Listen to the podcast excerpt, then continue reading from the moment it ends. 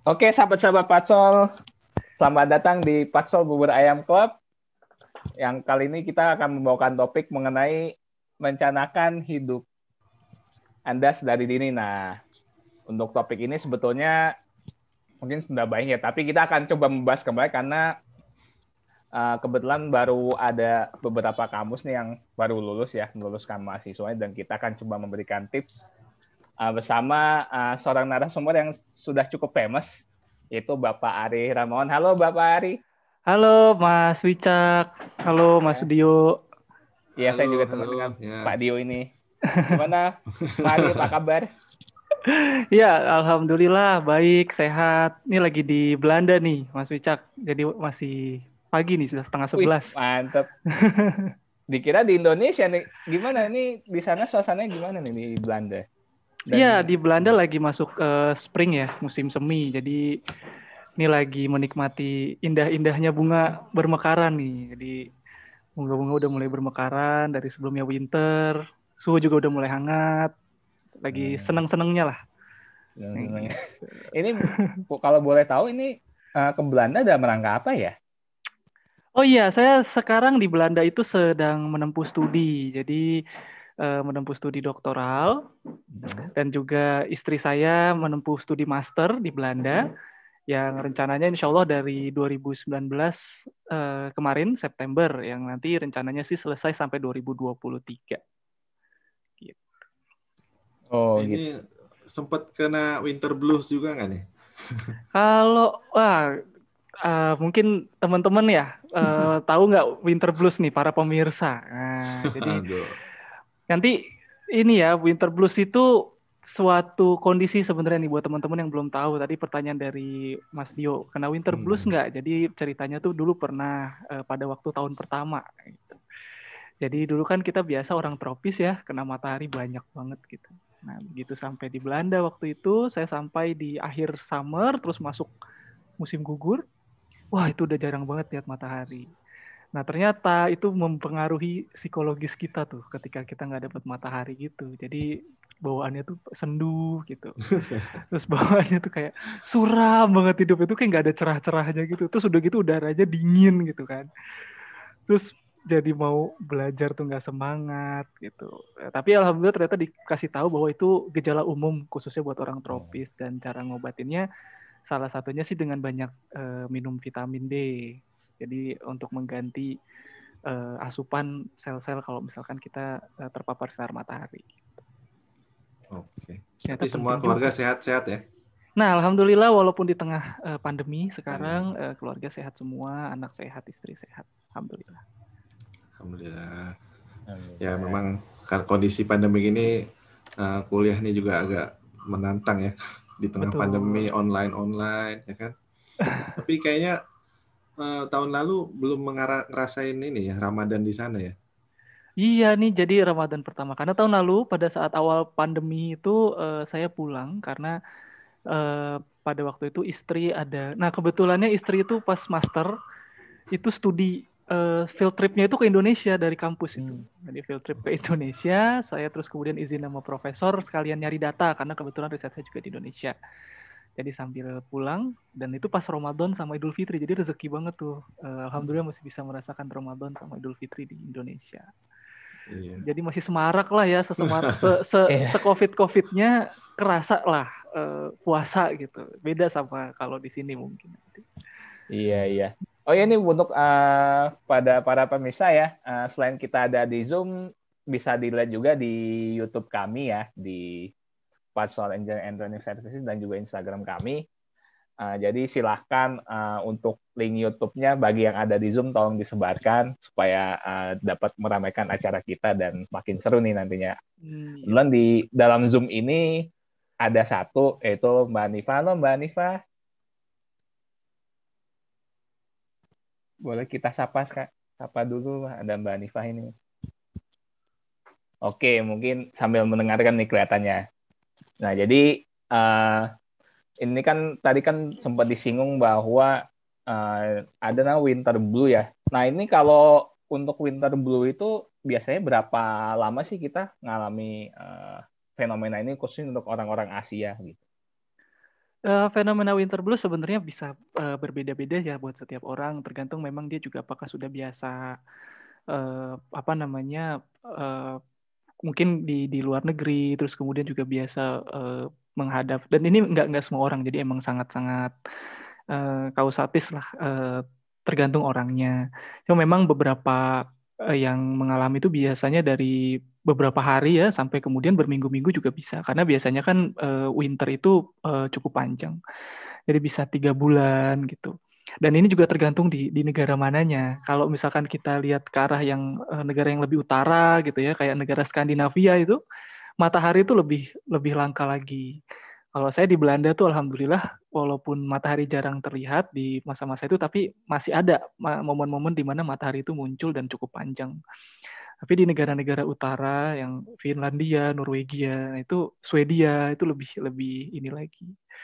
Lebih jarang lagi mataharinya dan itu cukup uh, apa namanya beda-beda uh, untuk setiap orang. Dan biasanya sih sarannya kalau misalkan emang lagi musim kayak gitu uh, nggak sendirian jangan jangan sendirian kita harus punya teman sharing harus ya, ini dalam rangka adap adaptasi tapi ya dalam jadi kalau misalkan buat yang kaget gitu baru pertama kali kena winter nah itu salah satu caranya seperti itu jadi punya teman sharing menemani untuk bareng-bareng bisa saling share perasaan dan lain-lain, berbagi dan lain-lain.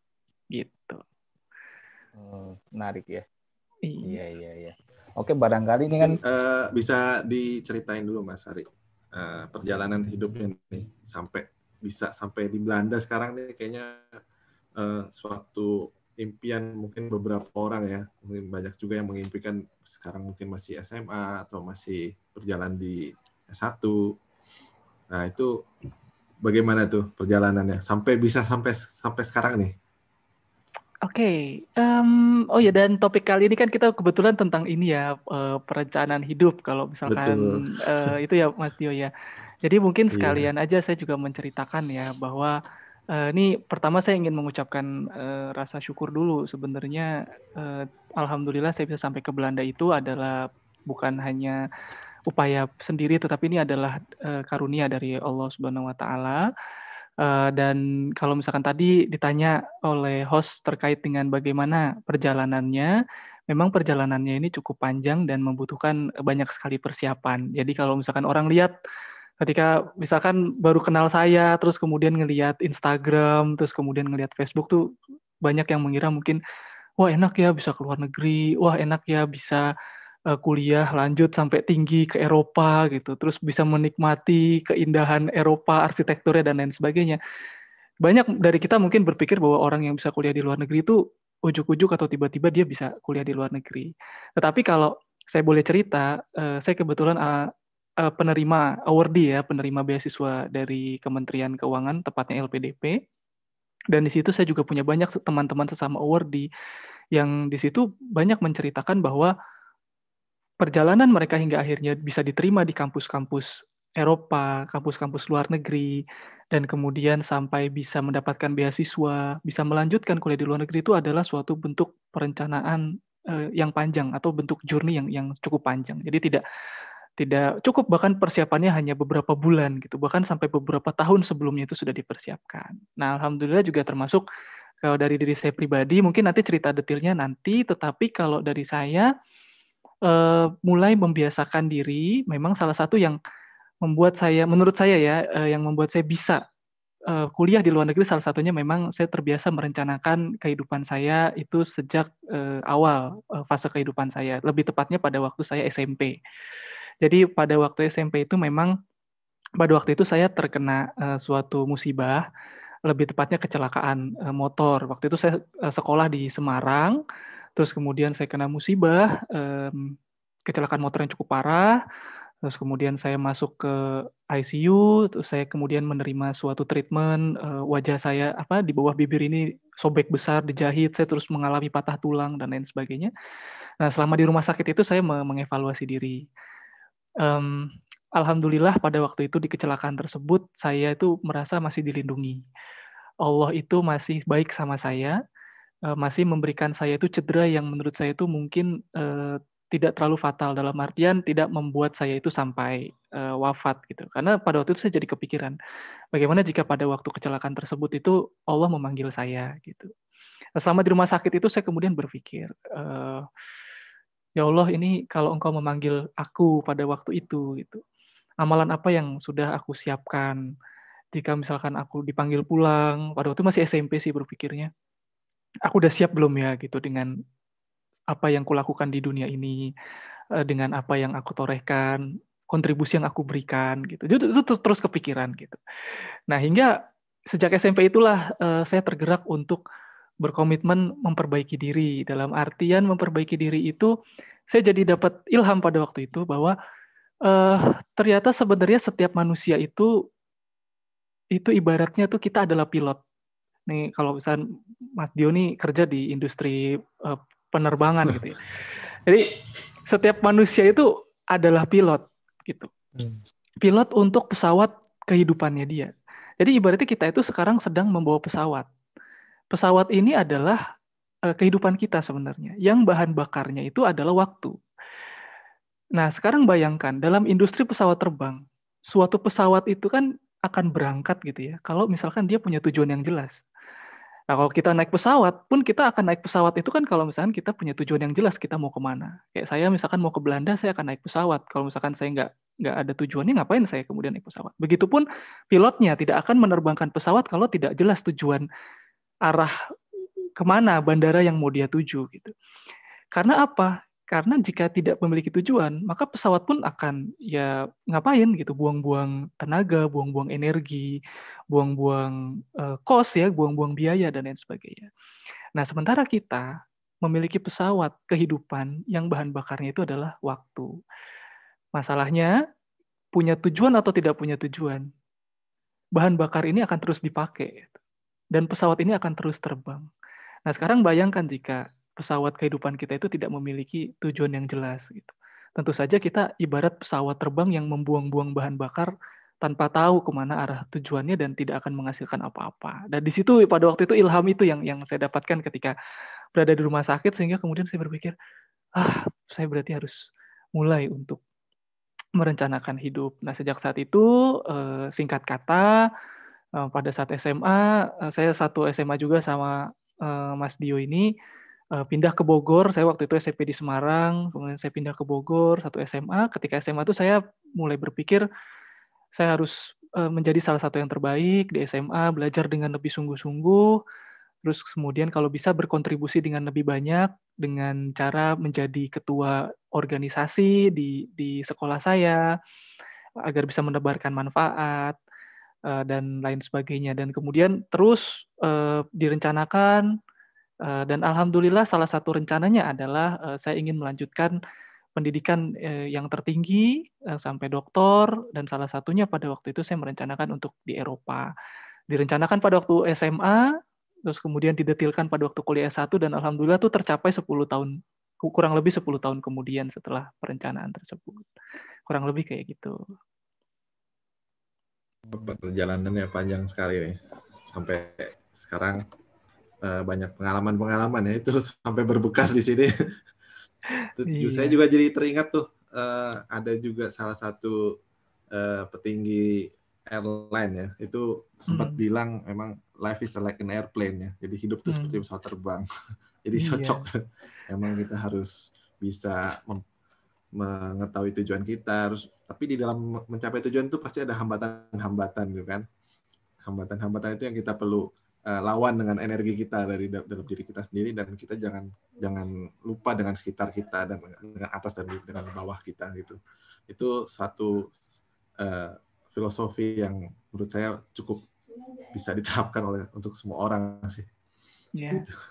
betul Uh, jadi sekarang lagi ngambil apa ya mas? Uh, jurusannya mungkin ada yang belum tahu. Oke, okay.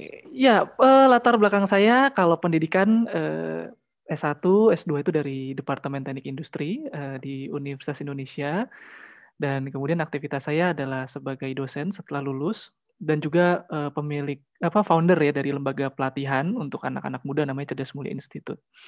Jadi itu juga termasuk uh, salah satunya uh, ibaratnya itu cita-cita saya setelah uh, saya kecelakaan itu dan setelah pada saat SMA saya ingin karena ingin bisa bermanfaat lebih banyak orang dan saya tahu bahwa salah satu passion saya itu adalah mengajar. Jadi kalau itu bercita-cita juga, ah pengen deh suatu saat jadi guru atau jadi dosen atau jadi trainer pengembangan diri untuk bisa membantu orang uh, memiliki hidup yang lebih baik seperti itu. Dan alhamdulillah satu persatu uh, tercapai dan tentu saja di S3 saya uh, sekarang doktoral saya melanjutkan keilmuan saya di bidang teknik industri karena ini juga menjadi salah satu kewajiban bagi dosen untuk terus meningkatkan ilmu setinggi mungkin agar bisa memberikan kualitas pengajaran terbaik.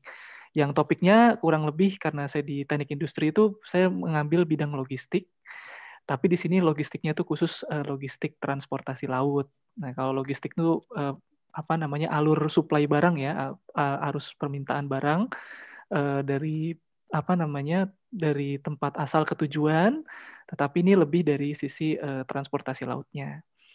Itu karena kita kalau misalkan di Indonesia itu kalau misalkan kita bicarakan logistik, pabrik-pabrik itu kalau misalkan mau membuat sesuatu, mau melakukan produksi dan lain sebagainya, itu kita harus memikirkan bagaimana mengoptimalkan jalur distribusi logistiknya. Apalagi kita itu negara antar pulau gitu ya, jadi transportasi hmm. laut itu logistiknya jadi sangat penting. Nah, kurang lebih topik yang saya sedang kerjakan di kampus saya seperti itu.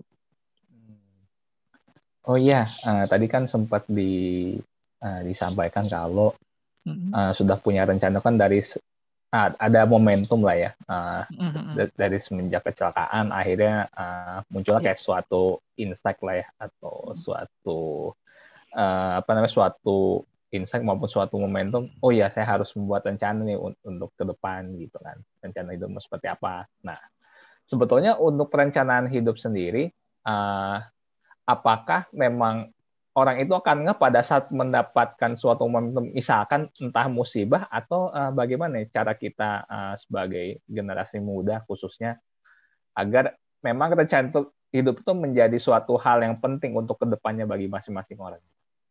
Oke. Okay. Ya, uh, nah ini penting juga karena banyak uh, pertanyaan juga sejenis ketika bilang, wah Mas Ari itu beruntung ya dapat. Sebenarnya nggak beruntung ya. Bagaimana kalau misalkan yang waktu itu lewat gitu ya? Itu kan per pertaruhan juga sebenarnya. Jadi dan saya juga berpikir jangan sampai kita menunggu sesuatu untuk berubah gitu. Yang jangan sampai kita itu um, apa ya? Ya menunggu ada momentum sampai akhirnya ketika pun akhir hayat hidup kita tuh ternyata nggak ada momentumnya dan kemudian baru di situ kita menyesal momentumnya itu di di akhir ujung gitu. Nah sehingga apa yang kemudian saya bisa sampaikan kepada pemirsa nih yang belum mendapatkan momentum atau misalkan merasa bahwa oh ya setiap orang butuh titik balik. Saya misalkan adalah orang yang belum punya perencanaan, saya adalah orang yang malas dan saya belum mem merasa memiliki momentum dalam hidup saya saya membiasakan diri untuk belajar dari pengalaman orang. Jadi memang eh, yang salah satu tips yang bisa saya berikan adalah tadi uh, saya ingin memberitahu pelajaran yang bisa saya berikan kepada teman-teman. Yang bisa dijadikan momentum adalah jangan pernah merasa aman walaupun usia kita masih muda tetapi hidup kita itu dipastikan panjang belum tentu gitu. Karena saya juga punya beberapa anggota keluarga uh, saya sama Mas Dio ini juga sepupu uh, kebetulan ya dan kami ada beberapa anggota keluarga yang kepergiannya itu tidak tidak kami duga-duga gitu. Jadi misalkan kemarin atau semalam masih bisa WhatsApp, terus kemudian besoknya uh, tidak tidak terduga kepergiannya karena ada kecelakaan yang sama persis seperti saya. Yang alhamdulillahnya saya masih dijaga sama uh, Allah gitu untuk bisa terus. Nah makanya dari situ kita belajar sebenarnya dari pengalaman. Jadikan pengalaman orang lain itu sebagai momentum diri kita. Pikirkan kepada, pikirkan eh, dari sudut pandang kita. Oh iya kalau seorang Ari aja pada waktu SMP itu pernah sampai pada suatu kecelakaan yang mungkin hampir merenggut nyawanya. Itu juga bisa terjadi sewaktu-waktu pada kita. Dan itu justru juga bisa membuat kita itu sedikit berpikir bahwa ya tidak ada yang bisa menjamin kapan kita akan hidup, sepanjang apa kita akan hidup gitu. Seberapa panjang hidup kita. Nah, dari situ kemudian saya juga eh, setelah eh, kecelakaan tersebut saya terus belajar dari berbagai macam guru, dari berbagai macam buku, yang sebenarnya itu adalah pengalaman-pengalaman orang lain. Terus saya juga belajar dari banyak banyak sekali forum. Sebagai contoh, uh, saya nggak tahu di Indonesia dibuka atau nggak. Uh, kalau nggak salah diblokir, tapi uh, ada forum tuh yang sangat bagus sebenarnya menurut saya namanya Reddit. Red R E D D I T Reddit gitu. Salah satu yang membuat saya itu belajar banyak dari forum-forum seperti itu ya mungkin kayak kaskusnya lah kalau di Indonesia zaman dulu gitu ya. Kalau zaman sekarang uh, mungkin ada lagi penggantinya. Kalau uh, saya tuh belajar gitu. Saya tuh ikut salah satu forum tuh judul forumnya itu adalah Stop Gaming namanya. Jadi ini adalah kumpulan orang-orang yang berusaha untuk berhenti dari kecanduan game. Dan di situ tuh saya banyak membaca pengalaman orang yang betapa hidupnya itu hancur lebur itu gara-gara main game. Jadi dia uh, orangnya tuh misalnya ada yang cerita gitu dengan bahasa Inggris. Dia depresi, terus dia melak, uh, melakukan pelarian itu dengan bermain game, terus menerus bermain game. Akhirnya menjadi habit gitu ya. Dengan menjadi habit itu akhirnya dia menyia-nyiakan waktu dia. Dia nggak ngapa-ngapain gitu. Sementara teman-temannya dia bertumbuh, berkembang dan lain sebagainya. Dan dia baru sadar tuh 10 tahun kemudian. Dia menceritakan di di forum Reddit itu 10 tahun setelah dia itu kecanduan game dan dia berasa menyesal. Karena tadi dia mengatakan bahwa saya tidak pernah merasakan ada momentum yang harus merubah hidup saya sampai saya sadar setelah 10 tahun kemudian, saya tuh nggak ngapa-ngapain ternyata. Dengan bermain game itu, saya tidak mencapai apa pun. Teman-teman saya itu sudah sukses, teman-teman saya itu sudah menikah, teman-teman saya sudah memiliki anak dan keluarga yang sangat sangat harmonis. Sementara saya masih hidup sendiri, pekerjaan saya berantakan. Nah dari situ tuh kita sebagai yang baca gitu ya. Walaupun kita cuma bacanya lima menit, tapi jadi momentum banget gitu. Dan buat saya juga pribadi, ketika saya juga misalkan uh, sekarang juga banyak ya game-game ada di handphone. Dulu tidak semasif sekarang misalkan game-game di handphone dan sebagainya. Ketika main game itu saya jadi di, dibisikin terus dengan cerita tadi. Oke, okay, main boleh, tetapi jangan kelamaan karena kita juga banyak pekerjaan dan kamu ingat cerita orang-orang tadi yang menyesal betapa bermain game itu bisa sangat menghabiskan waktu dan uang misalkan. Sehingga ya udah main game akhirnya sekedarnya tanpa saya harus merasakan suatu momentum lagi untuk bisa berubah. Jadi gitu kira-kira Mas Riz. Mas Wicak. Oh iya iya menarik sekali panjang ya. Tapi untuk mendapatkan klik itu klik untuk supaya kita merasa penting untuk merencanakan hidup itu susah nggak sih sebetulnya? Ya. Mendapatkan ya. klik gitu. Nah ini yang yang tadi saya bilang bahwa apakah kita akan menunggu klik dan sampai kapan kita akan menunggu itu saja. Jadi kita tidak akan pernah tahu sampai akhirnya eh, yang saya bisa sarankan adalah saya mem mem memberikan pilihan kepada teman-teman. Silakan, apakah teman-teman mau memilih untuk menunggu kliknya atau menciptakan klik itu dari sekarang? Karena masalah perencanaan hidup itu adalah masalah pilihan, bukan masalah menunggu, mendapatkan ilham, dan sebagainya. Tetapi saya pun bisa memilih ketika saya setelah kecelakaan. Apakah memilih untuk belajar dari kecelakaan saya atau tidak? Biasa aja. Banyak orang yang juga setelah kecelakaan biasa-biasa saja. Banyak juga. gitu. Tapi kemudian saya memilih untuk oke okay, ini kliknya dan saya yakin juga pasti teman-teman juga punya banyak sebenarnya pengalaman-pengalaman yang sebenarnya itu bisa membantu untuk mengklik tetapi bisa jadi melewatkan begitu saja. Karena yang namanya klik itu menurut saya itu adalah pilihan dari pribadi kita. Itu sih. Oke. Cuman uh, kita kadang uh, nggak menunggu klik ya, cuman orang-orang bingung nih. Sebenarnya kita harus mulai dari mana sih? untuk merencanakan gitu kan. Terus seberapa jauh kita merencanakan ataukah satu tahun, dua tahun atau sepuluh tahun, nah, itu gimana sih mulainya dan okay. uh, eh, forecastnya sejauh mana gitu baiknya? Iya, uh, jadi kalau saya ini kalau dari pengalaman saya ya, uh, saya pertama memiliki keyakinan dulu bahwa perencanaan hidup itu penting karena dari tadi yang eh, tadi secara prinsip perencanaan itu penting terkait dengan teknis itu sebenarnya tergantung orang bisa beda-beda tetapi kan banyak orang juga yang memiliki keyakinan bahwa ya udah ngapain sih merencanakan hidup? Biarin aja let it flow let it go itu mau ke mana? Tapi kalau buat saya secara prinsip hidup saya dan saya tularkan kepada keluarga termasuk istri saya dan anak-anak saya itu saya minta mereka untuk senantiasa merencanakan hidup. Jadi itu dulu yang yang yang ingin saya sampaikan. Bahwa perencanaan itu perencanaan hidup itu penting.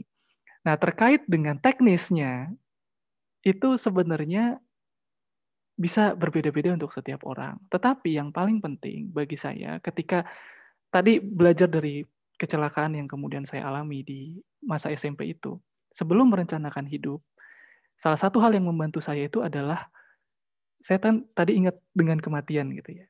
Dengan ingat kematian itu kan saya jadi berpikir kalau nanti saya mati, gitu, saya siap nggak untuk menghadapi hidup setelah kematian. Nah di sini kemudian saya jadi punya value di situ yang ingin saya share kepada teman-teman bahwa penting untuk kita memiliki sebuah value yang melandasi rencana hidup kita di dunia.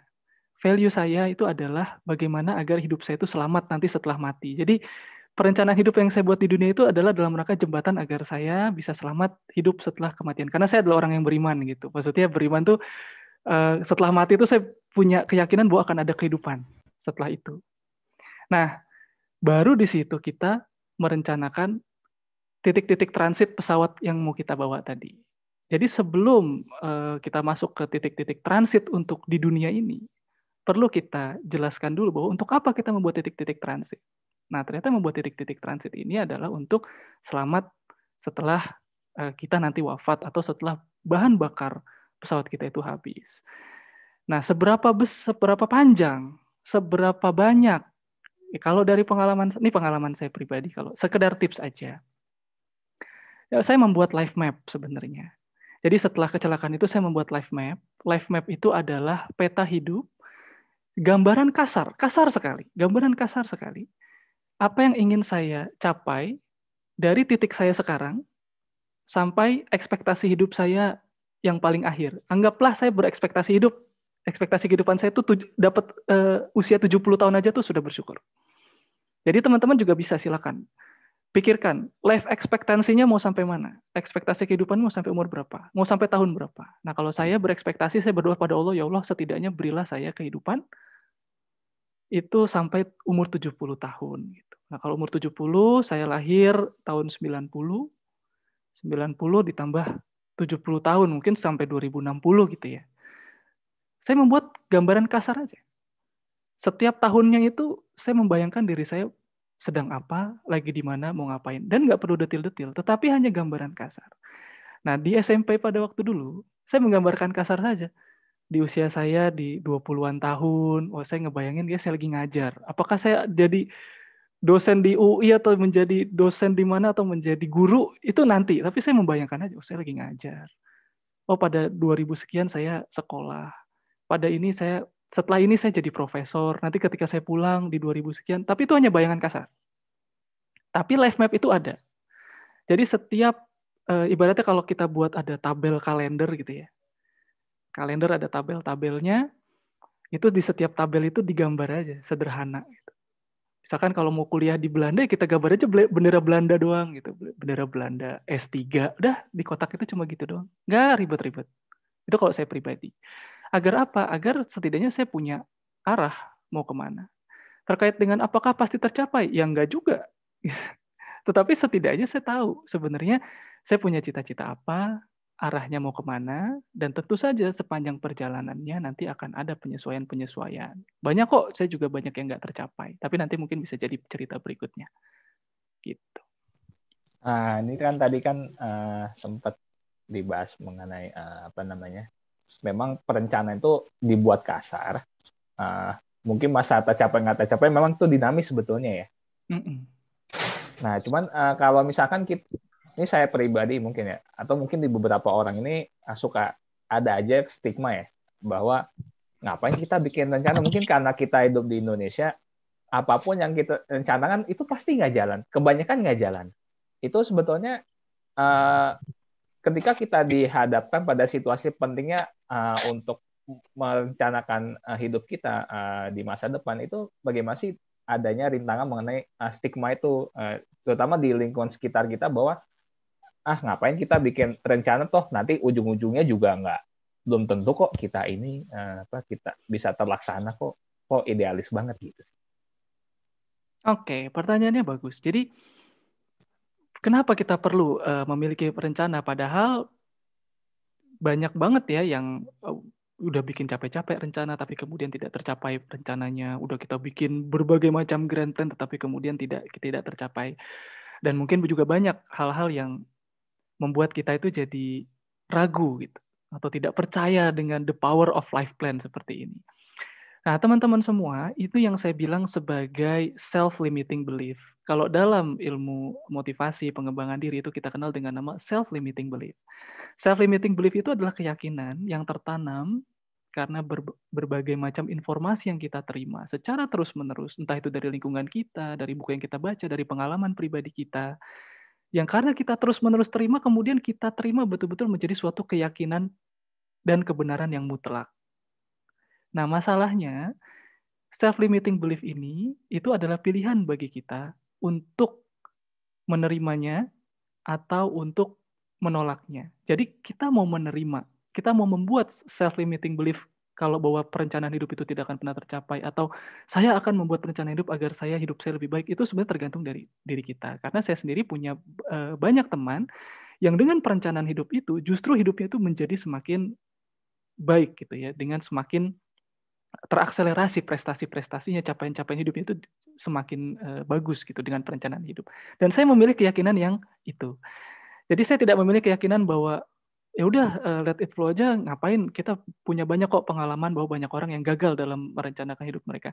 Saya tidak punya kata gagal dalam perencanaan hidup. Yang ada di kamus saya adalah sukses atau belajar. Jadi either kalau misalkan kita tidak mendapatkan apa yang kita rencanakan, maka kita akan mendapatkan pelajaran kenapa kita tidak mendapatkannya. Jadi itu bukan kegagalan buat saya, itu adalah pembelajaran buat saya. Nah itu jadi eh, makanya saya me mencoba untuk eh, apa membagikan pengalaman ini kepada masyarakat di Indonesia. Yang pertama saya ingin memberikan suatu pemahaman bahwa saya juga lahir dari keluarga yang biasa-biasa aja. Uh, dia juga tahu uh, latar belakang keluarga saya. Maksudnya biasa itu adalah saya bukan keluarga yang uh, pejabat seperti apa gitu atau elit atau bagaimana enggak. Pendidikan dari kedua orang tua saya juga tidak terlalu istimewa gitu. Latar belakangnya. Dia juga tahu. Tapi di situ tidak saya bisa melimit diri saya sendiri sebenarnya wah nggak mungkin saya ini bisa mencapai doktor, nggak mungkin saya bisa mencapai dosen. Lah orang tua saya aja biasa aja. Bisa saya melimit seperti itu. Dan ketika saya melimit seperti itu akan jadi kebenaran buat diri saya sendiri. Silakan. Dan itu akan jadi kebenaran. Tapi saya memilih untuk saya akan mencoba untuk membahagiakan orang tua saya, walaupun orang tua saya hanya lulusan tamatan SMEA misalkan, saya tidak merendahkan tapi uh, karena berkat ibu saya juga saya bisa sampai seperti ini. Tapi kalau misalkan saya untuk memilih self limiting belief saya tidak akan memilih itu. Saya akan menunjukkan bahwa dan bahkan berbakti kepada orang tua saya walaupun ibu saya hanya tamatan SMEA, ayah saya S1, saya bisa mencapai doktor atau saya bisa mencapai profesor dan saya tidak akan melimit diri saya seperti bagaimana anggapan orang bahwa kalau orang tuanya itu pendidikannya segitu ya nggak mungkin kamu bisa eh, capaiannya tinggi-tinggi seperti itu. Dan bahkan saya juga punya tantangan ketika orang tua saya juga merasa bahwa saya tidak mungkin bisa pergi ke Belanda, bahkan gratis untuk bisa kuliah lagi. Orang tua saya itu tidak percaya. Ari kamu yakin mau kuliah lagi ke luar negeri? Kamu yakin nanti di sana bisa hidup? Kamu yakin ada uangnya? Oh banyak sekali. Tapi saya mencoba untuk berdiskusi dengan orang tua saya. Saya minta orang tua saya mendoakan. Saya minta orang tua saya untuk hanya doakan saja. Insya Allah uh, Ari memilih keyakinan bahwa itu semua mungkin. Saya memilih keyakinan bahwa itu semua mungkin. Dan Alhamdulillah doa orang tua saya kencang. Karena saya yakin bahwa itu bisa, saya juga berusaha sebaik mungkin. Dengan bantuan juga teman-teman saya tentu saja. Alhamdulillah itu bisa tercapai. Jadi hati-hati dengan self limiting belief dan saya tidak bisa memaksakan untuk setiap orang ya tapi itu silakan uh, memilih sendiri. Apakah anda memang ingin memilih self limiting belief untuk diri anda atau anda ingin membuat liberating uh, belief gitu ya belief yang memerdekakan anda untuk bisa mencapai hidup lebih baik. Gitu sih. Oke. Uh, menarik nih. Tadi berbicara mengenai masalah orang tua ya. Kadang ya. kan kita uh, dalam merencanakan misalkan kita mau 10 tahun mau ngapain, jadi apa gitu kan. Nah, belakangan ini dengan banyaknya eh, kita harus tahu juga kan misalkan kita tuh sekarang eh, yang sedang masuk kuliah, yang sedang berkuliah ini sekarang generasi Z ya. Itu eh, tujuan hidupnya kadang agak-agak berbeda dan menyimpang dari beberapa generasi yang sebelumnya seperti jadi YouTuber atau menjadi e-sport gamer kan kita mungkin 10 atau 15 tahun ke belakang itu belum ada hal seperti itu dan tentunya uh, dalam merencanakan itu pasti ada uh, pertentangan ya dari dari lingkungan keluarga atau lingkungan sekitar gitu. Bagaimana itu menghadapi itu? Kan tadi Mas Ari uh, dari pihak keluarga seperti uh, membatasi ya, mempertanyakan apakah hmm. memang bisa atau gimana. Itu ya. mungkin ada insight-nya, Mas. Oke, terima kasih eh, Mas. Ini juga pertanyaan yang bagus. Dan kebetulan Gen Z ini adalah mahasiswa saya juga nih kalau misalkan di kampus UI gitu. Ya. Ketemunya milenial-milenial gitu ya. Dan itu beneran real. Jadi ketika saya uh, tanya kepada mahasiswa gitu misalkan uh, iseng-iseng dalam suatu sesi kuliah, kenapa kalian memilih masuk uh, di teknik industri misalnya? Ada yang beberapa itu bilang karena terpaksa. Jadi keinginan orang tuanya Padahal dia punya cita-citanya yang lain. Ya tuh ada juga beberapa yang dia tuh cita-citanya misalkan ingin jadi atlet, tapi atletnya tuh nggak nggak main-main uniknya, atlet berkuda misalnya. Tapi masuk ke teknik industri gitu-gitu. Nah, di sini yang kemudian kita uh, perlu uh, memahami. Pertama kalau misalkan terjadi pertentangan di, di keluarga dan terutama dari orang tua kita. Sebenarnya memang saya sendiri betul-betul bisa memahami si sudut pandang orang tua ketika memang sudah punya anak gitu. Kenapa? Karena ketika kita sudah punya anak, itu mindset kita adalah bagaimana kita tuh ingin memberikan yang terbaik untuk anak kita. Jadi ketika misalkan kita ada pertentangan dengan orang tua terkait dengan tujuan-tujuan hidup yang kita miliki, itu biasanya dan hampir dipastikan itu sebenarnya sebagai bentuk rasa sayang orang tua yang ingin anaknya itu hidup bahkan lebih baik daripada orang tuanya gitu. Dan itu dulu yang yang perlu kita uh, pegang dan perlu kita syukuri gitu bahwa alhamdulillah kita tuh masih punya orang tua dan orang tua itu masih concern sama kita dan bahkan memperhatikan kita. Makanya setelah itu tugas kita adalah memberikan yang terbaik. Nah, yang kedua juga terkait dengan bagaimana mencari jalan tengah sebenarnya. Bagaimana jika misalkan kita memiliki keinginan tadi, kita memiliki passion kita sendiri.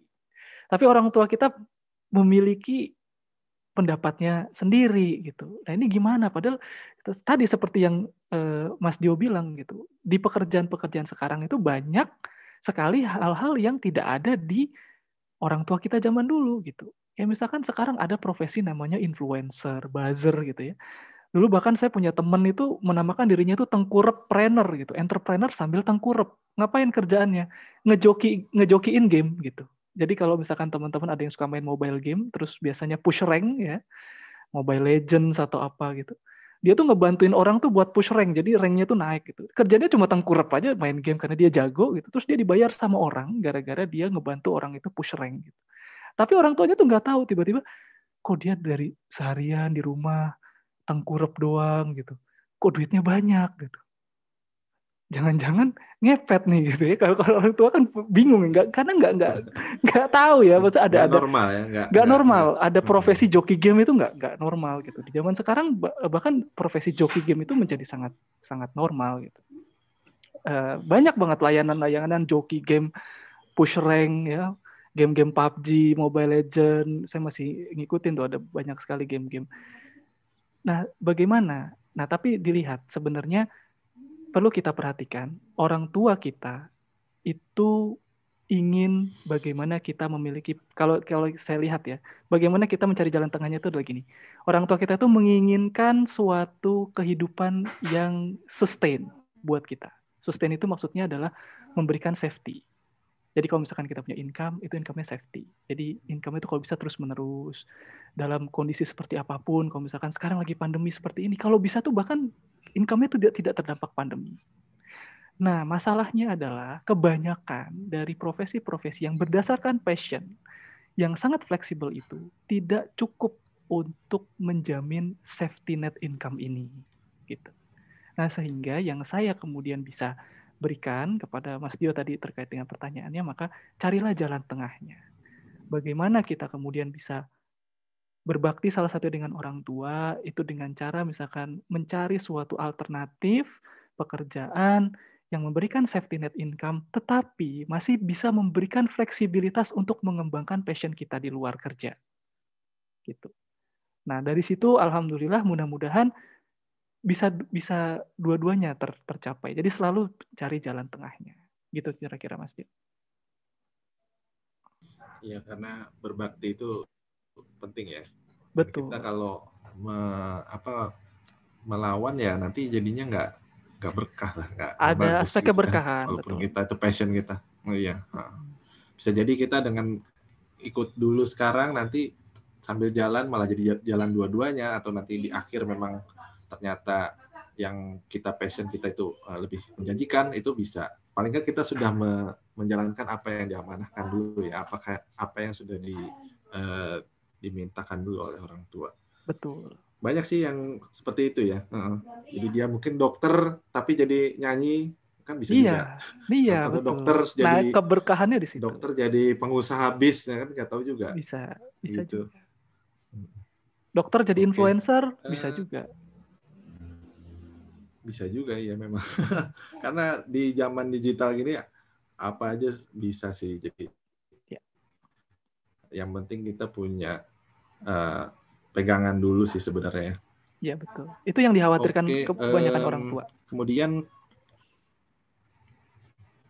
ah ini terkait pengalaman ya pengalaman Mas Ari ini dalam merencanakan juga dalam menjalani apa yang direncanakan. Hmm. Itu gimana tuh gapnya antara antara plan dan aktualnya dan bagaimana mengejasnya atau memang sudah biarin aja gitu kita ikut.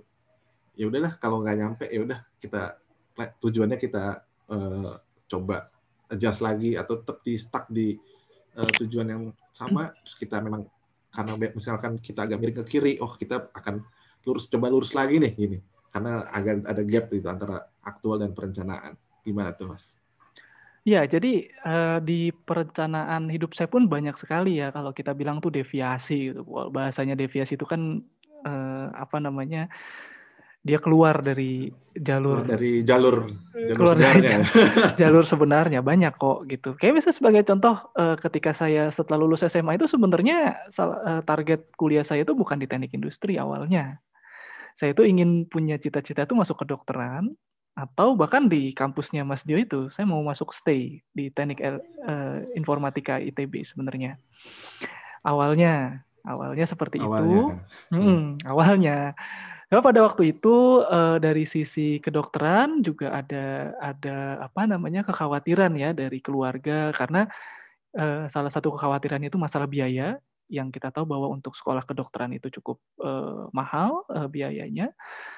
Terus kemudian yang kedua kalau di ITB pada waktu itu kenapa nggak ambil karena alhamdulillahnya saya ternyata sudah dapat uh, dari jalur uh, undangan uh, khusus untuk masuk ke teknik industri UI dan uh, menurut saya pada waktu itu ya udah dicoba dulu dan apa namanya toh pada akhirnya uh, saya berpikir lagi sebenarnya apa sih yang saya inginkan gitu.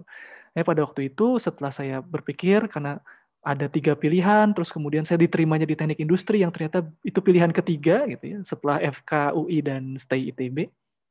Ternyata saya jadi mikir, oh ternyata selama ini kayaknya saya tuh mau ke FK UI dan stay ITB itu karena masalah gengsi gitu. Masalah gengsi. Kenapa? Karena pada waktu zaman saya dua jurusan itu tuh topnya gitu. Top of the top di berbagai kampus. Jadi semua orang tuh pengen ke sana dan merupakan pembuktian juga bahwa ketika kita bisa masuk sana tuh kita salah satu mahasiswa terbaik gitu. Terus di situ saya mulai ngerasa bahwa wah ini udah mulai nggak bagus nih perencanaannya. Karena ternyata perencanaannya itu lebih ke arah keinginan orang lain. Perencanaannya itu lebih ke arah kita cuma pengen gengsi atau dianggap keren gitu. Apa yang kemudian saya lakukan jika terjadi deviasi seperti ini adalah mencoba untuk melihat kembali value-nya. Oh ya kamu dulu kan pernah kecelakaan. Saya buka kembali catatan-catatan. Saya buka kembali keinginan-keinginan saya dulu. Saya sebenarnya mau ngapain? Oh ternyata saya tuh sebenarnya concernnya tuh menjadi pengajar. Saya tuh senang untuk menjadi dosen. Gitu. Dan nggak perlu di FK, nggak perlu di stay. Masuk teknik industri juga bisa menjadi dosen atau menjadi pengajar kalau misalkan nanti ada kesempatan. Gitu. Atau kuliah di mana pun sebenarnya bisa jadi dosen. gitu.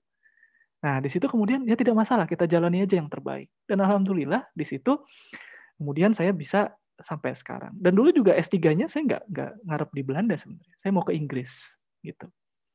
Tapi pada saat itu tidak ada beasiswanya, terus kemudian coba beberapa kali gagal, terus kemudian lihat ada kesempatannya di Belanda dan kesempatan di Belanda ini juga tidak terlalu jauh dengan esensi atau apa yang ingin saya pelajari, ya sudah saya apply juga di Belanda dan akhirnya ada deviasi lagi ke Belanda gitu. Yang tadinya pengennya tuh ke Inggris. Nah, jadi di sini poinnya adalah bedakan antara tujuan dengan cara.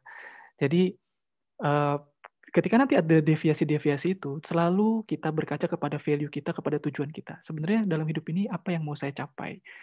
Kalau misalkan deviasinya itu masalah cara, tentu saja ada banyak cara untuk bisa mencapai tujuan.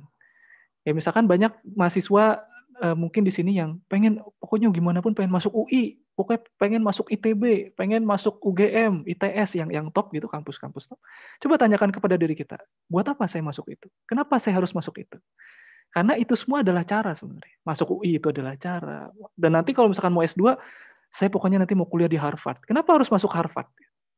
Karena Harvard itu adalah cara. Nah, sementara tujuannya apa? Nah, tujuan ini yang harus kita pegang. Sementara cara itu ada banyak. Jadi, jangan menjadikan cara sebagai tujuan. Karena, uh, sekali lagi, untuk bisa mencapai tujuan itu ada banyak caranya. Gitu, Mas Dio. Jadi harus dibedakan ya antara ya. tujuan dan cara dan bedakan apa yang kita inginkan dan apa yang sebenarnya gengsi ya. Iya, nah itu juga banyak tuh untuk generasi Z tuh banyak banget yang generasi sekarang nih uh, nah. iya karena iya karena Gen Z tuh terkenal dengan saya pernah dengar juga podcast di salah satu uh, apa namanya lembaga konsultasi bahwa Gen Z itu lebih ke arah uh, 10 seconds generation. Jadi terbiasa dengan story Instagram yang hanya 10 detik sampai 15 detik 8 detik atau ya sekitar di bawah satu menit lah bahwa kalau memang eh, tidak cocok atau tidak sesuai dengan apa yang dia inginkan akan swipe akan swipe ke sebelahnya swipe ke sebelahnya jadi. Dia akan selalu mengejas ke sesuatu yang memang dia mau dan memang dia eh, apa namanya dia sukai gitu kan. Nah dan Gen Z itu lebih ke arah eh, ingin eksis di antara sekelumpulan orang itu. Itu perlu di notifikasi di ini juga ya perlu di handle juga untuk uh, rekan-rekan mahasiswa sekarang ya. Terutama yang baru yeah. masuk pada share-share di medsos ya. tapi mungkin mereka ter, terbawa euforia ter, terima di salah satu kampus tapi yeah. mungkin mereka lupa bahwa uh, ini adalah baru permulaan. Ini awal perjuangan masih Gimana panjang. Tuh, Mas Ari? ya, ini menanggapi ya, jadi fenomena itu betul karena memang mahasiswa saya juga banyak Gen Z dan banyak juga yang uh, beberapa konsultasi saya sebagai pembimbing akademik itu merasa depresi karena melihat uh, capaian-capaian teman-temannya lah yang keren yang ada di feed gitu ya, yang ada di Instagram, Facebook dan lain sebagainya. Dan kemudian mereka berpikir bagaimana nih agar saya bisa juga memanjat strata sosial. Kalau dalam bahasa Indonesia sih pansos gitu ya. Bagaimana memanjat strata sosial yang instan, cepat, follower bisa banyak, like bisa banyak gitu. Dan kalau misalkan kita posting nggak di like tuh rasanya gimana gitu. Nah ini yang kemudian saya ingin uh, mengatakan kepada teman-teman semuanya bahwa uh, tidak ada sesuatu kesuksesan yang menurut saya pribadi itu bisa uh, didapatkan secara instan. Ya tentu saja yang instan mie instan aja harus dimasak gitu ya. Kayak kayak mie instan aja tuh harus dimasak dulu biar jadi mie instan yang enak gitu ya. Nggak bisa kan mie instan langsung kecuali kalau suka ngegadoin sih.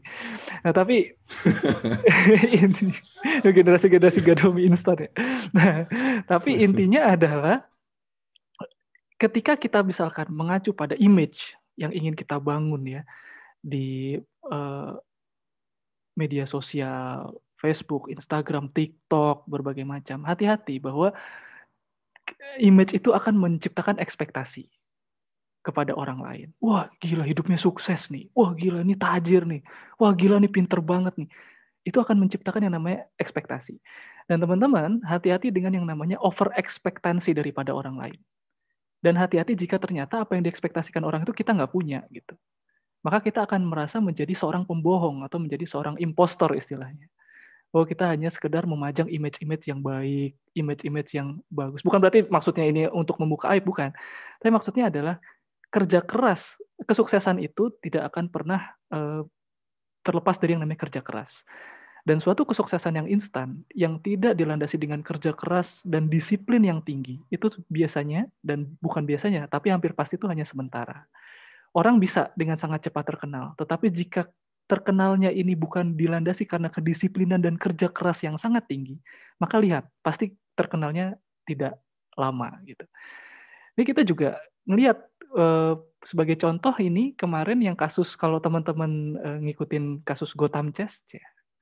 Kasus Gotham Chess ada yang ngikutin nggak yang catur Dewa Kipas ya? The God of Fan, ya. Dewa Kipas. Jadi ada pecatur yang main di chess.com, terus kemudian melawan international master yang namanya Gotham Chess. Kemudian uh, disinyalir bahwa melakukan kecurangan karena algoritma atau cara bermainnya itu mirip sekali dengan chess engine. Viral, sangat cepat viral, besar-besaran. Kemudian dijadikan uh, pertandingan ulang ya kan antara uh, Grandmaster catur Indonesia dengan Dewa Kipas ini yang kemudian bermain catur. Ini sempat ramai. Namun sekarang lihat, ketika misalkan Dewa Kipas itu sempat naik dan menanjak, tapi setelah kejadian itu, yang menanjak itu justru adalah para Grandmasternya.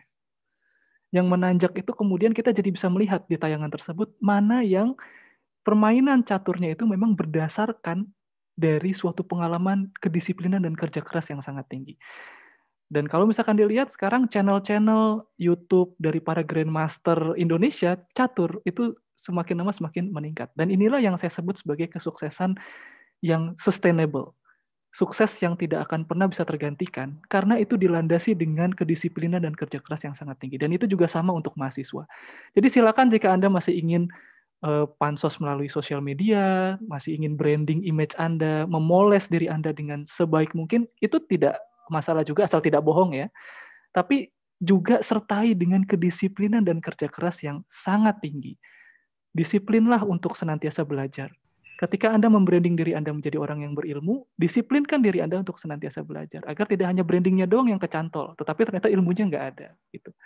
Nah, di situ yang kemudian saya ingin sampaikan kepada teman-teman, uh, seimbangkan ya antara bagaimana kita mempromosikan diri dengan kedisiplinan kerja keras kita.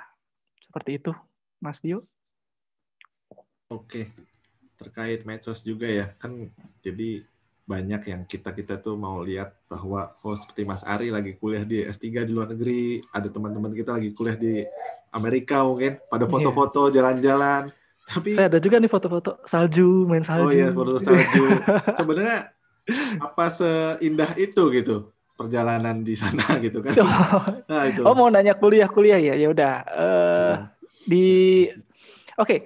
Nah ini salah satu efek kelemahan sosial media menurut saya. Jadi sosial media kalau saya menganggap ya uh, melihat feed Instagram, Facebook, TikTok atau apa pun itu teman-teman saya punya itu sebenarnya seperti tayangan TV. Tayangan TV ini kan adalah suatu hal yang sudah disetting, ada skenario kan gitu dan semua yang ada di TV itu kan bisa jadi bukan yang sebenarnya gitu. Karena sudah ada settingan-settingannya. Dan ketika teman-teman saya uh, menceritakan uh, apa namanya kebaikan apa hal-hal yang indahnya saja ya ini salah satu settingan dia untuk menceritakan hal yang indah. Tetapi saya yakin ada yang uh, hal di luar itu yang tidak diceritakan. Jadi maksud saya gini jangan hanya ngejudge apa yang ada di sosial media itu adalah yang memang benar-benar terjadi karena itu kebanyakan adalah settingan. Kenapa settingan? Saya yakin setiap orang yang ingin ngepost di sosial medianya pasti sudah men-setting apa yang ingin dia posting. Gitu.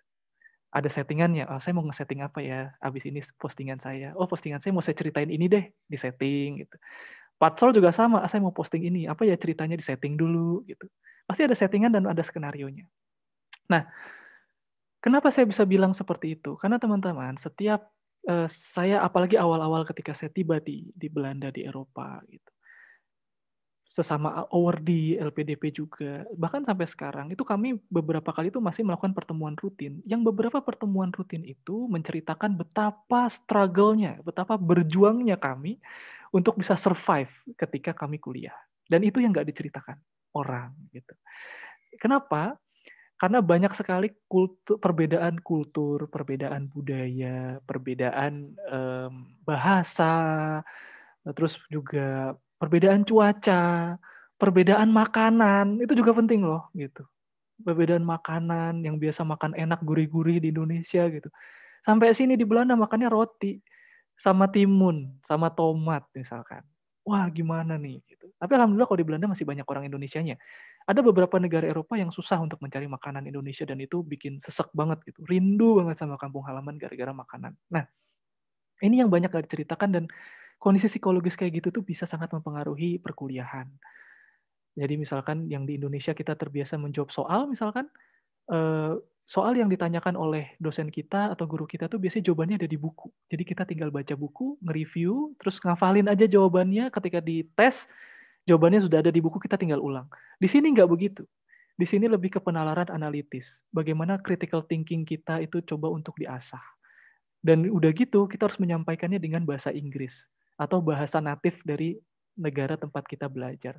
Dan itu akan sangat struggling sekali pernah pada waktu itu saya uh, kuliah gitu ya ujian uh, saya ujiannya tuh kebetulan pilihan ganda pilihan ganda itu ketika keluar dari kelas saya tanya ke lima orang teman lima limanya tuh jawabnya beda saya jawab A teman saya jawab B saya tanya lagi ke orang lain jawab C yang lainnya D dan E masing-masing punya pendapatnya sendiri-sendiri gitu karena memang di setelah kita jawab pilihan ganda itu masih di, dikasih tahu kenapa kamu memilih jawaban itu. Jadi alasannya pun kita harus ngasih tahu. Dan critical thinking itu yang sangat dilatih di sini. Oleh karena itu yang namanya sistem kebut semalam itu sangat sangat tidak dianjurkan dan sangat sulit untuk diterapkan untuk kuliah di di luar negeri, apalagi di kampus-kampus terbaik Eropa.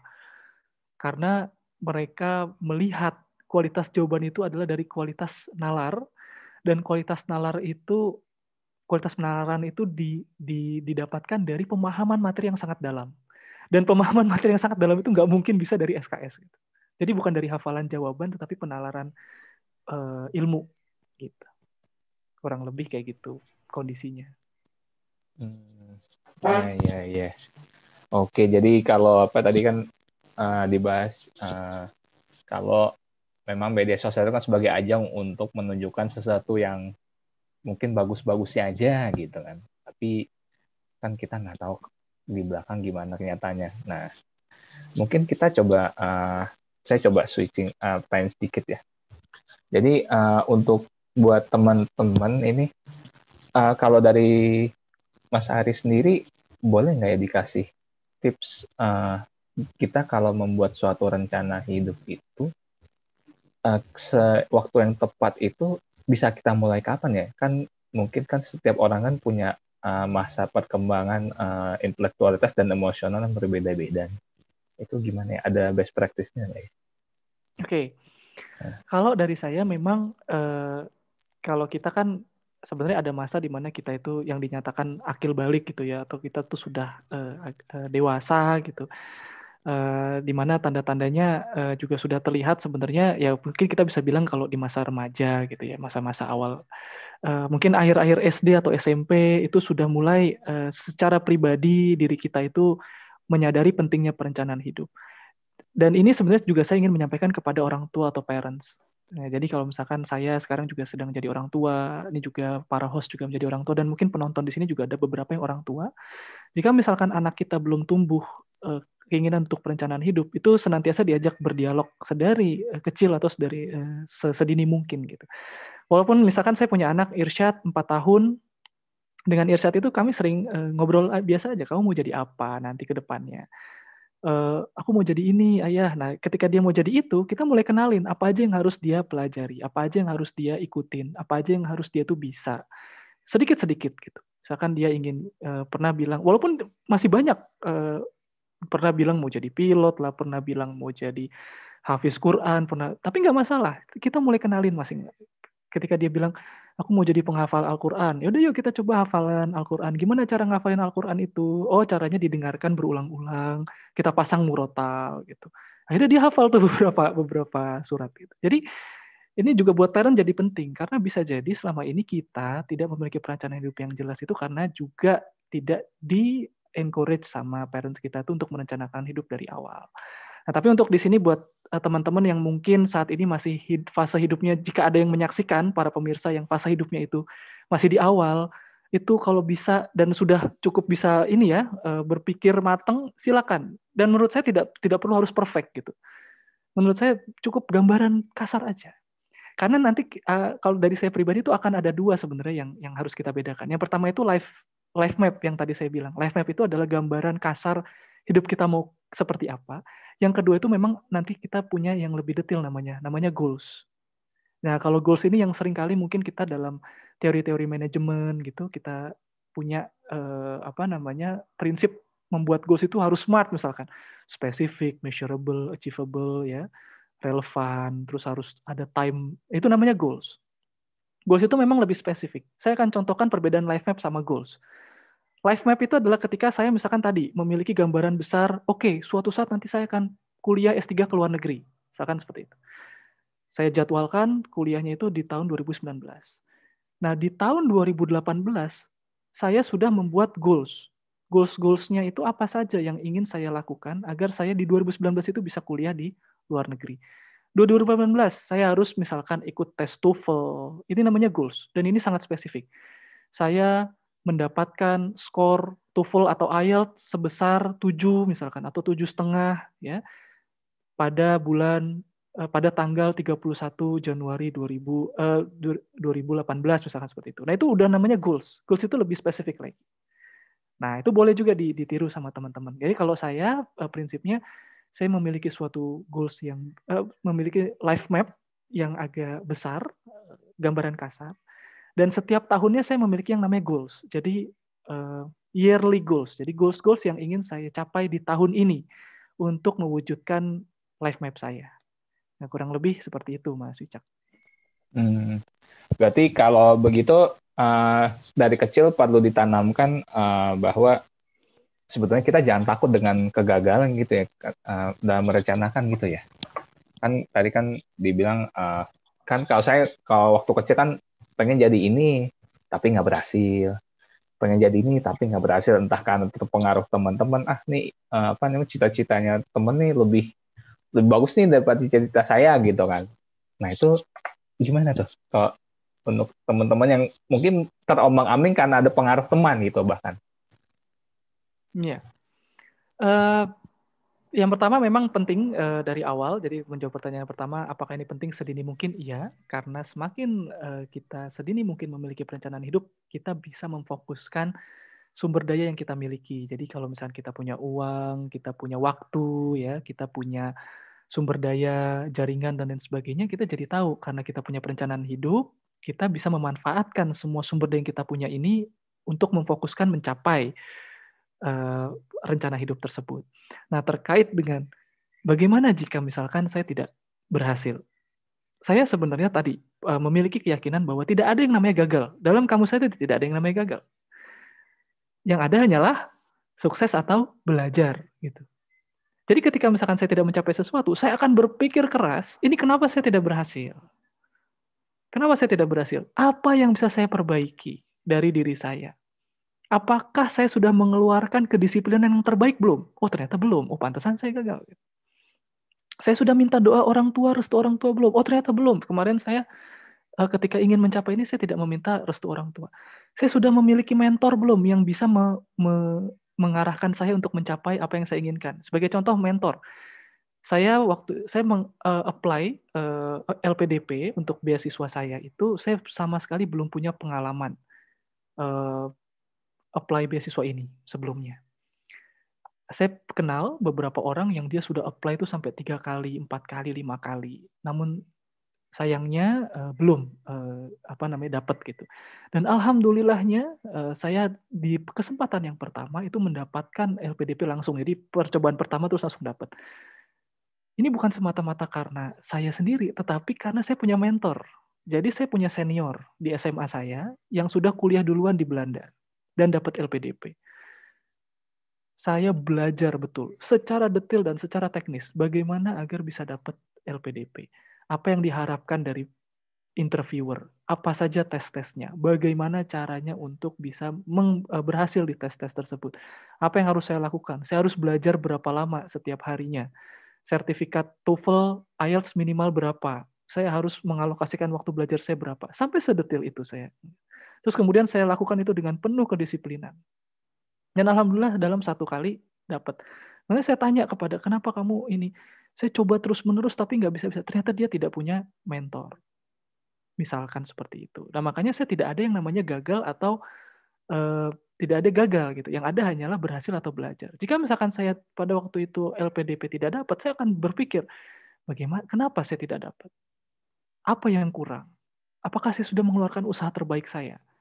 Apakah saya sudah me, me, memanfaatkan jaringan yang saya miliki untuk jadi mentor tentu saja ya bukan untuk kekuatan orang dalam bukan untuk jadi mentor gitu. Orang tua bagaimana? Terus tadi kalau misalkan Mas Wicak juga bilang terkait dengan sebenarnya udah ada tanda apakah karena teman-teman lingkaran teman-teman saya ini yang membuat saya jadi tidak yakin. Itu sebenarnya bentuk evaluasi. Oh, jangan-jangan saya tidak mencapai ini, saya jadi belajar. Karena teman-teman saya juga ternyata kumpulan dari teman-teman yang senantiasa membunuh mimpi-mimpi mereka sendiri. Gitu. Apa yang harus saya ubah? Jika saya ingin mencapai perencanaan hidup saya, berarti salah satu yang saya pelajari, saya harus mengganti lingkaran pertemanan saya. Gitu. Nah, masalahnya mau apa enggak? Gitu. Nah, kebanyakan orang pengen hasil yang berbeda, tetapi tidak ingin menempuh cara yang juga berbeda. Jadi caranya sama tapi pengen hasil yang berbeda. Nah, itu susah. Gitu. Iya, iya, iya. Oke, oke. Ini kebetulan kan sudah di penghujung waktu. Uh, tuh ya. Waktu. Uh, sudah lebih. Uh, bahkan nggak apa-apa, nggak apa-apa. Tapi kita uh, ngobrol sedikit ya. Mungkin uh, satu lagi nih, aku penasaran sih. Jadi hmm. ini menarik meng mengenai mengganti lingkaran pertemanan ini kan kalau misalkan udah klop ada yang mungkin uh, di antara kita nih para pemirsa maupun saya sendiri sudah punya lingkaran teman yang cukup settle ya. Ketika memang ada suatu tujuan yang memang ingin kita capai, tujuan pribadi ya, uh, tetapi ternyata oh menurut kita nih gara-gara di mereka-mereka ini kok kenapa kenapa aku ngumpulin sama mereka? Itu gimana? Kok mengatasi ketika kita mau switching ternyata memutuskan untuk switching lingkaran pertemanan dan kita akan memprioritaskan teman yang lain tuh ada tips-tips sendiri nggak ini? Saya menarik nih lingkaran pertemanan ya. karena kan hubungan dengan hubungan sosial gitu. Ya betul. Nah ini terkait dengan yang tadi mengganti lingkaran pertemanan itu lebih ke arah jika lingkaran pertemanan kita menghambat ya, menghambat. Hmm. Hmm. Jadi jika misalkan tidak menghambat, ya sudah. Jika memang nyamannya di situ dan bahkan bisa mendukung untuk mencapai perencanaan hidup kita ya jangan gitu. Hmm. Maksudnya bisa mendukung misalkan uh, teman-teman kita ini adalah teman-teman yang di mana kita itu bisa mengandalkan untuk kita itu curhat, meminta saran, meminta meminta arahan misalkan gitu atau saling bertukar ilmu ya tidak masalah. Yang jadi masalah adalah ketika pertemanan ini justru membuat kontraproduktif dengan perencanaan hidup kita. Nah, yang kebanyakan dari klien saya yang bermasalah dengan pertemanan ini adalah jika misalkan lingkaran pertemanannya itu gamers kebanyakan. Jadi misalkan kalau sekarang main online game kan banyak banget gitu ya. Terus kebanyakan uh, dulu mungkin waktu masih mahasiswa tuh ngedota bareng gitu. Teman ngedota yang harusnya misalkan dia pakai waktunya buat belajar tapi kemudian eh dota dulu yuk sekali lah satu match dua match gitu. Akhirnya tuh sampai pagi gitu. Dan akhirnya nggak nggak jadi nggak jadi ini kan gitu. Nah ketika dia tahu bahwa yang kayak gini udah nggak sehat, nah ini yang harus kemudian pelan-pelan bukan untuk kemudian menjauhi, tetapi sorry bro lagi break gitu ya, uh, lagi mau fokus dulu dan lain sebagainya. Nah nanti kita tidak ada maksud untuk menjauhi, tetapi biasanya nanti teman-teman yang seperti itu akan menjauhi kita sendiri dan nanti kita akan dipertemukan dengan teman-teman yang juga memiliki uh, visi yang sama, misalkan memiliki perencanaan hidup yang juga ingin fokus kepada kuliah, misalkan seperti itu. Ini juga sebagai contoh, uh, saya juga sedang membangun nih, misalkan lingkar, uh, kayak misalkan bentar lagi Ramadan, ya kurang lebih mungkin 11 hari lagi ya kita akan menghadapi bulan Ramadan. Di bulan Ramadan itu saya selalu setiap tahun mengevaluasi diri. kita tuh kan punya performa tuh biasanya kalau bulan Ramadan tuh setiap mungkin 5 sampai 10 hari pertama tuh yang namanya performa tuh tinggi gitu. Oh, sholat tarawih itu rajin, baca Quran rajin, masjid tuh penuh gitu. 11 hari, hari ke-15, hari ke-20 tuh selalu turun gitu turun terus gitu. Nah terus kemudian berpikir, ini kan sebenarnya salah satu perencanaan hidup. Kita kan punya rencana, oh nanti kalau bulan Ramadan rencananya hatam Quran dah sekali minimal. Itu susah banget ngatamin. Biasanya cuma 15 juz, 20 juz. Atau yang mau hatamin tiga kali, cuma hatam satu kali. Kemudian belajar, kenapa? Nah di tahun ini kemudian saya belajar, saya harus punya lingkaran yang saling menasehati. Jadi setiap minggu saya punya teman, ada tujuh orang di Delft sekarang, di Belanda, sesama orang Indonesia karena kita sedang di negeri orang gitu ya yang bukan mayoritas muslim itu punya perencanaan atau target-target Ramadan tuh susah loh gitu. Karena nggak nggak kondusif nggak kondusif kan lingkungannya gitu. Uh, orang yang makan biasa aja teman-teman kita makan yang uh, Belanda-Belanda ya biasa aja makan gitu.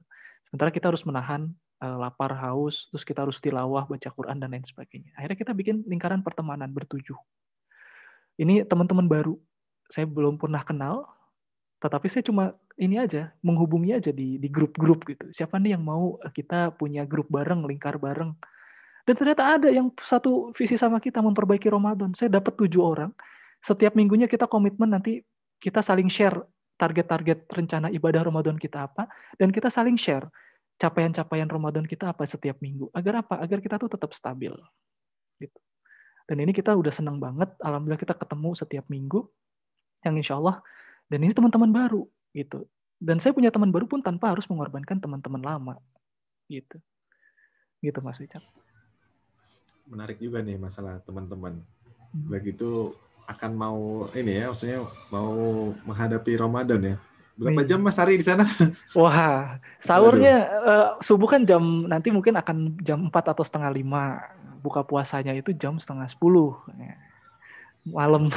Wah, berarti berapa jam tuh? Sekitar bisa 18 kali ya. 18 jam ya. Iya, 15 sampai 18 15 jam. Sama. Wah, itu tantangan pertama nih Ramadan di Belanda. Hmm, di Belanda agak panjang. Seperti itu, itu terkait menyambung juga terkait pertemanan ya. kan di sana juga diverse ya kita tahu bahwa hmm. Eropa uh, beragam suku ras dan bagaimana ya. dari berbagai negara bagaimana tuh menghadapi eh, hal-hal uh, seperti itu di kita kenal mungkin peer group ya hmm. yang lebih dikenal peer group ada yang mungkin beberapa waktu lalu ada yang Asian haters gitu-gitu kan Nah, oh ya di kan, biasa di Amerika. Iya, rasis. Nah, tapi itu adalah sesuatu yang realita yang harus dihadapi ya. ya. Nah, mungkin ada eh, teman-teman kita di sini yang mau uh, sekolah di luar kan itu sesuatu yang perlu dihadapi. Bagaimana tips dari Mas Hari? Ya, kalau uh, dari saya pribadi memang uh, awal datang itu selalu kita lapor ya ke KBRI dan kemudian kita juga harus meningkatkan pertemanan dengan sesama orang Indonesia dan senegara bukan apa-apa tetapi memang dalam rangka untuk menjaga hal-hal yang tadi. Jadi kemarin juga sempat tegang ya waktu uh, ini tidak hanya biasanya Asian haters karena masalah COVID, tetapi juga dulu sempat uh, di Eropa sempat tegang gara-gara masalah karikatur Nabi dan pemenggalan guru di Prancis. Nah itu untuk uh, saya dan istri yang muslim-muslimah itu sempat terdekan sebenarnya. Karena di Belanda juga ada partai yang sayap-sayap Islamofobik itu ada gitu. Dan itu tidak bisa kita kontrol. Tapi apa yang bisa kita kontrol adalah kita berbuat baik kepada semua orang, kita berasumsi baik pada setiap orang, kita tingkatkan eh, kekerabatan pada orang-orang Indonesia yang ada di sini untuk bisa saling share informasi-informasi apa dan jika misalkan kita membutuhkan pertolongan. Tetapi saya sendiri pun punya peer group eh, dari mahasiswa-mahasiswa asing kok gitu. Jadi dan saya bersyukurnya adalah di sini di Eropa terutama itu ternyata sangat apa ya humanis banget gitu. Humanis itu sangat memperhatikan hak-hak individu, sangat memperhatikan hak-hak pribadi, jadi sangat menghormati privasi, sangat menghargai orang. Itu yang yang saya senang uh, ketika kuliah di sini. Jadi uh, tidak mudah melakukan judgement gitu. Uh, apa tidak mudah menghakimi orang. Jadi jika misalkan pada suatu saat kita itu nilai kita sedang buruk atau kondisi kita sedang tidak stabil, dia pasti akan langsung tidak akan ngejudge bahwa oh ini orang males nih, oh ini orang emang bodoh nih jelek enggak. Tapi mereka akan bilang kamu kenapa? Apa yang bisa saya bantu? Gitu. Mereka tidak mengejudge gitu. Dan uh, itu yang saya bersyukur uh, bisa punya teman-teman uh, orang-orang Belanda, uh, orang uh, orang-orang Chinese ya, uh, Cina, uh, orang-orang dari India. Jadi kalau di di kampus saya tuh ada empat uh, apa negara terbesar pengirim international student. Selain warga lokal Belanda itu ada Iran, India dan Cina. Oh, itu banyak banget uh, mahasiswa dan kita bisa saling tukar-tukaran tuh karena beda-beda uh, kulturnya. Yang Cina pekerja keras yang Iran tuh jenius biasanya. Uh, jago banget ininya kalkulasi. Terus yang uh, apa namanya India itu juga pekerja keras sekali. Uh, yang Belanda ini jago sekali berkomunikasi gitu ya lancar banget komunikasi dan sangat convincing gitu. Kita bisa belajar bareng tapi itu satu hal yang saya pelajari bahwa ternyata oh humanis banget sih sangat menghargai orang-orang yang hak hak individu itu sangat dihargai. Gitu. Jadi tetap berbuat baik kan sama setiap orang. Oke ini sudah lewat. Mungkin ada ini nggak uh, sebelum mungkin kita uh, closing ada kata-kata mutiara gitu. Jemput kata mutiara jangan closing statement nggak enak. Nanti nanti kita akan uh, kas, ini akan kita upload juga di Spotify. Jadi kita coba uh, orang-orang bisa dengerin lagi, tapi hanya suara di terlepas dari YouTube yang kita akan online juga, gitu mas. Siap. Sebagai closing statement. Ya, uh, sebenarnya kalau dari saya mungkin dengan pembahasan kita terkait dengan perencanaan hidup, tadi ketika saya menganalogikan bahwa hidup itu seperti pesawat gitu ya, kita tuh seperti pilotnya sebenarnya yang sedang uh, mengendarai atau mengemudikan pesawat gitu. Di mana kita sebenarnya memiliki kebebasan, ke, uh, kemerdekaan untuk mengarahkan arah pesawat kita ke mana.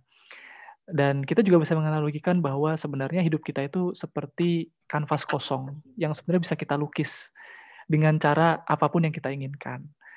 Nah, oleh karena itu sangat disayangkan sebenarnya teman-teman jika misalkan kehidupan kita ini tidak bisa penuh ya dalam artian itu tidak bisa memaksimalkan potensi yang kita miliki, tidak bisa mengeluarkan yang terbaik dari diri kita, itu dikarenakan kita tidak memiliki perencanaan hidup yang jelas. Itu sangat disayangkan itu ibarat kap, uh, pesawat yang dikendari terus muter-muter arahnya nggak jelas. Yang ada tuh buang-buang bens, buang-buang bahan bakar gitu ya. Uh, makanya dari itu teman-teman semuanya, uh, mudah-mudahan di sesi sharing kali ini saya berharap setiap peserta menyadari bahwa perencanaan hidup itu walaupun tidak detil, tapi itu penting.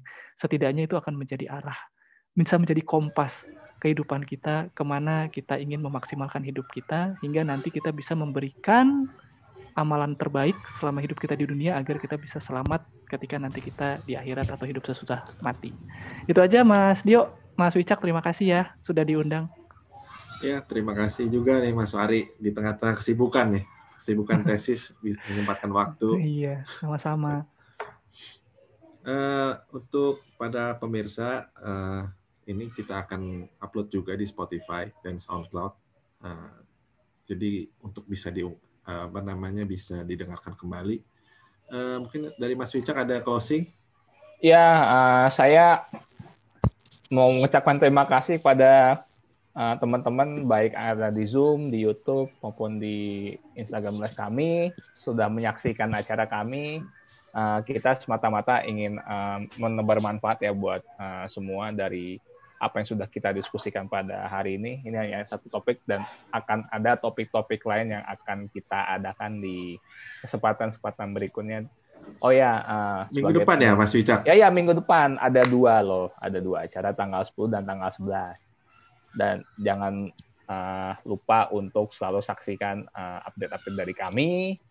Kita akan terus hadirkan topik-topik yang sekiranya dapat uh, menginspirasi uh, teman-teman semua paling dari saya seperti itu. Terima kasih sekali pada Mas Ari sudah menyempatkan waktu ya, di sela-sela kesibukan S3 di Belanda. Semoga sukses selalu. Amin. semoga lancar dan nanti yang terpenting sehat. Masa-masa ini yang penting terpenting, betul, penting amin, sehat. Betul, amin. betul.